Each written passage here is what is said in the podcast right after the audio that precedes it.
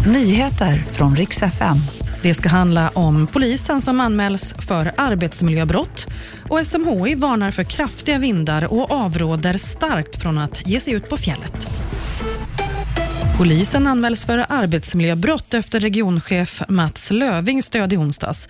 Nu har en kollega till honom lämnat in en anmälan där han skriver att eftersom det har framkommit att Mats Löving avled under oklara omständigheter så finns det anledning att anta att dödsfallet är en följd av den pressade situationen som han påståtts haft en avgörande roll i.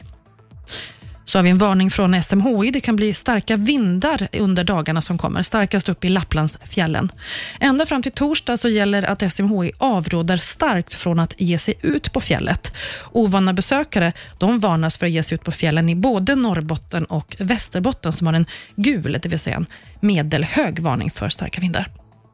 Och I England där planerar man nu för kröningen av kung Charles. Och Det här ska inte vara något mossigt gammalt event, det här inte, utan moderna artister vill man också ha. Men det har visat sig ganska svårt, för artist efter artist har artigt tackat nej.